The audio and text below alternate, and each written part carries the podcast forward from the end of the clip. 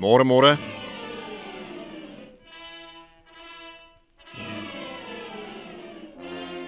En welkom by nog 'n uitgawe van die Tshwane Circus. Gisteraand moes daar nou 'n nuwe spreker verkies word en wat gebeur toe? 69 raadslede van die DA besluit om 'n nommer daar te skryf in plaas van om 'n kruisie te maak op hulle stembrief en die OVK besluit toe daardie stembriewe is almal bedorwe en gaan nie tel in hierdie verkiesing. Toe word daar nou 'n spreker aangewys, maar is nie die spreker van die veelpartytjie koalisie nie.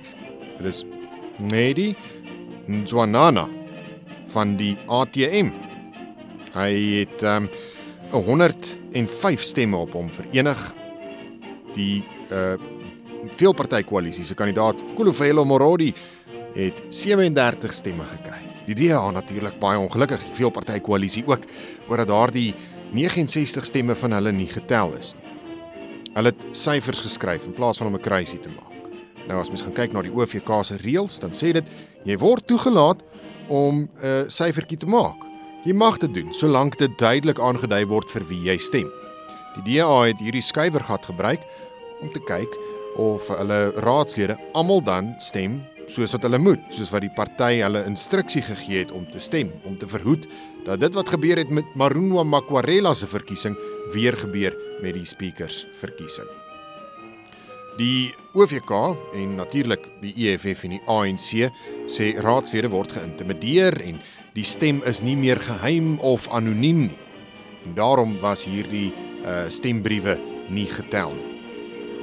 Nou ek stem nie heeltemal daarmee saam nie. Daar steel 'n uh, steeds 'n mate van anonimiteit met hierdie stembriewe wat genommer is. Kom ons stel voor die ANC en die EFF het, het te wete gekom van die DA se strategie. Wat sou ek dan doen as ek 'n ANC of 'n EFF raadsit was? Ek sou ook 'n syfer gebruik het om my stem aan te dui.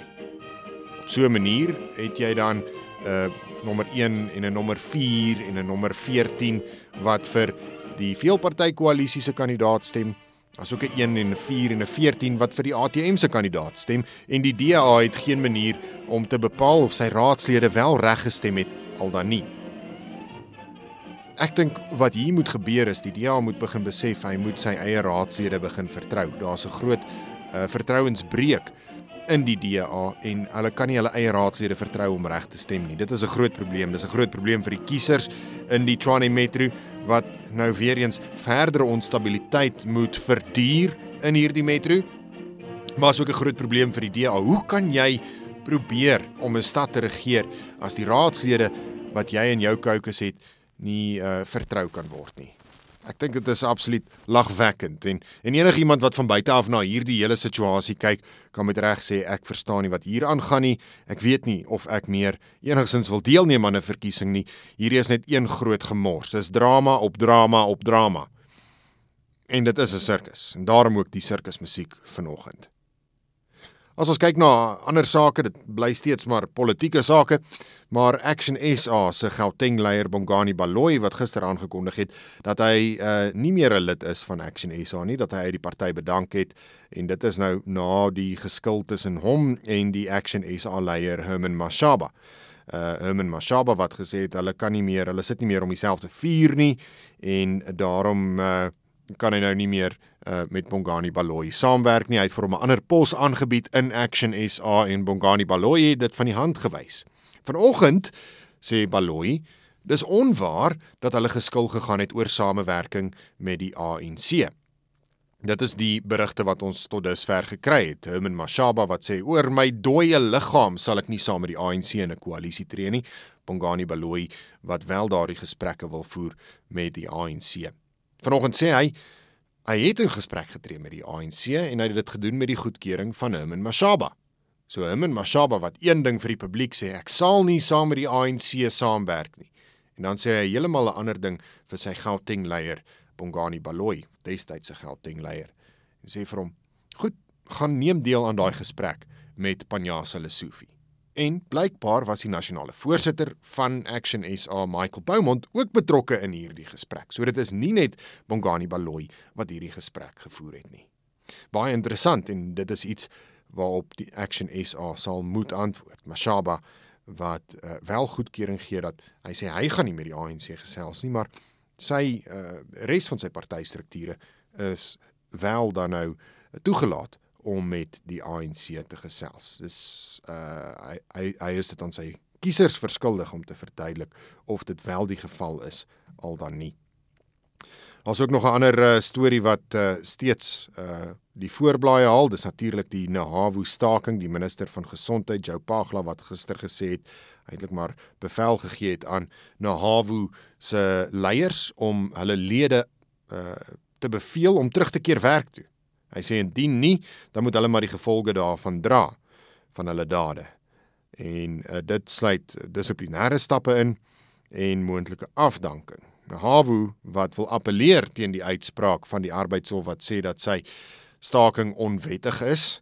So hulle wil nie bes gee nie. Hulle wil voortgaan met hierdie staking. Intussen het SAPO ook aangedui dat hy wil staak. Dit is die polisievakbond. So van die 17de Maart af beplan SAPO om te staak. Ons sal maar sien hoeveel polisielede betrokke gaan wees by hierdie staking van SAPO.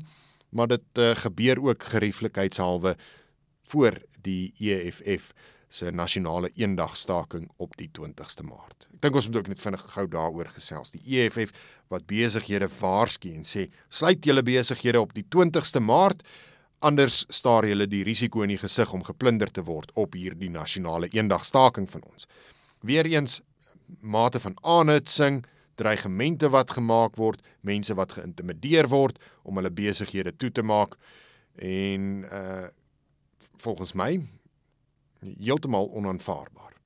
Wat mens ook wel net oor moet kennis neem, is die feit dat die DA, ag die uh, EFF hierdie nasionale eendagstaking van hom hou op die 20ste Maart. Die 21ste Maart is natuurlik 'n openbare vakansiedag. So wat gaan baie mense doen van die naweek af tot die 21ste Maart? Lekker lang naweek hou. So daar is baie besighede wat reeds gesluit gaan wees. Skole is reeds gesluit. So na afloop van hierdie nasionale eendagstaking van die EFF kan hulle baie maklik sê sukses. Kyk, ons het die skole toegekry. Maar dit is belangrik dat jy moet weet dat die skole reeds toe is en dat baie besighede reeds gesluit gaan wees juis oor die feit dat die 21ste ook 'n vakansiedag is. So moenie vir die EFF enige punte gee uh, na afloop van hierdie nasionale eendagstaking nie.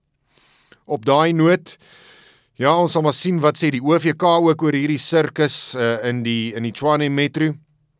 Maar uh, dis alles nog dinge wat gaan ontvou oor die volgende paar dae.